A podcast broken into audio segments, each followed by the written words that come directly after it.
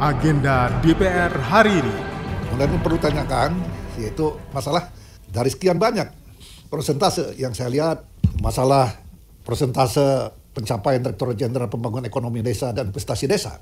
Yang lain itu sudah di atas 70 semua, bahkan ada yang 80. Pak Menteri yang saya banggakan dan seluruh jajaran Kementerian Desa dan daerah tertinggal. Pertama, saya ingin menyampaikan terima kasih dan apresiasi saya terhadap pelaksanaan program tahun 2023. Kembali Anda ikuti agenda DPR hari ini, Selasa 28 November 2023, bersama saya Doni Suprianto. Kita mulai dengan agenda pertama.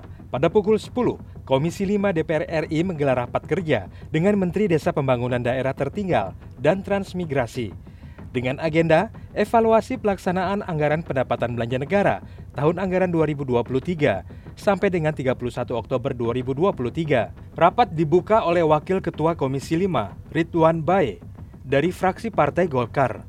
Pada sesi pemaparan, mengemuka beberapa pertanyaan, di antaranya dari anggota Komisi 5 Taman Nuri, dari fraksi Partai Golkar, yang menanyakan terkait persentase kenaikan pembangunan desa.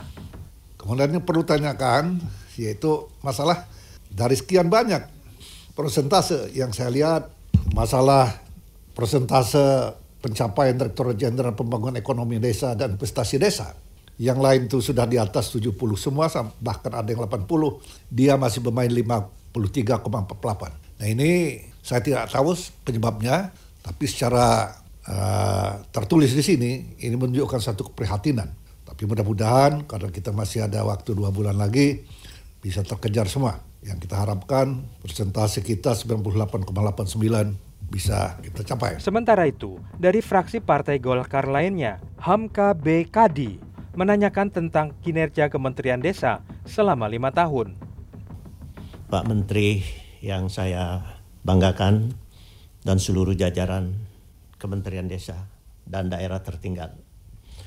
Pertama, saya ingin menyampaikan terima kasih dan apresiasi saya terhadap pelaksanaan program tahun 2023. Saya jujur saya menyampaikan bahwa apa yang kita lakukan selama lima tahun terakhir ini itu membuahkan efek yang positif, tanggapan yang baik dari rakyat di desa.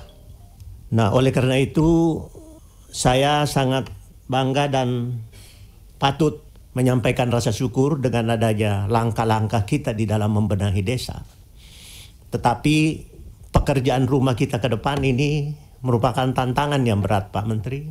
Karena semua perangkat desa sangat mengharapkan ada perubahan. Apakah dari sisi anggaran maupun dari sisi pelayanan kepada masyarakat desa.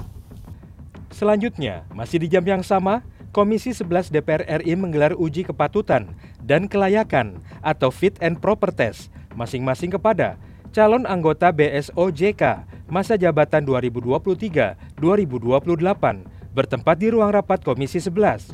Berikutnya, calon anggota BSOJK masa jabatan 2023-2028 bertempat di ruang BAKN. Dan berikutnya, calon anggota BSLPS masa jabatan 2023 2028 bertempat di ruang Banggar.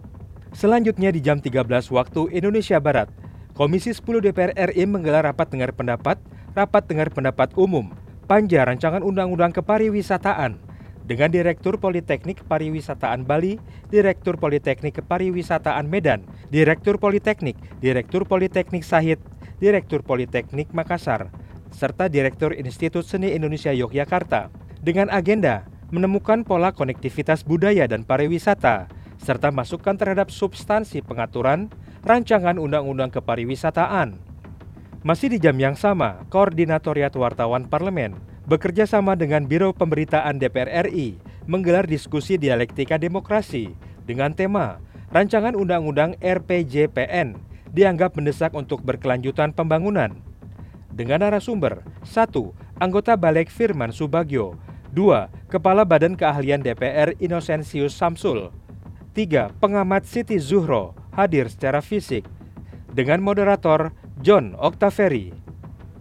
Sekarang kita berlanjut ke pukul 14 waktu Indonesia Barat, di mana Komisi 9 DPR RI menggelar rapat kerja dengan Menteri Kesehatan Republik Indonesia. Rapat dengar pendapat dengan Kepala Dinas Kesehatan Provinsi Daerah Istimewa Yogyakarta, serta rapat pendapat umum dengan Profesor Adi Utarini dari Pusat Kedokteran Tropis, Fakultas Kedokteran, Kesehatan Masyarakat, dan Keperawatan Universitas Gajah Mada. Sampailah kita pada agenda terakhir di hari ini, di mana pada pukul 16 waktu Indonesia Barat, Komisi 10 DPR RI menggelar rapat dengar pendapat umum dengan CEO Putri Hijab Fluencer Indonesia.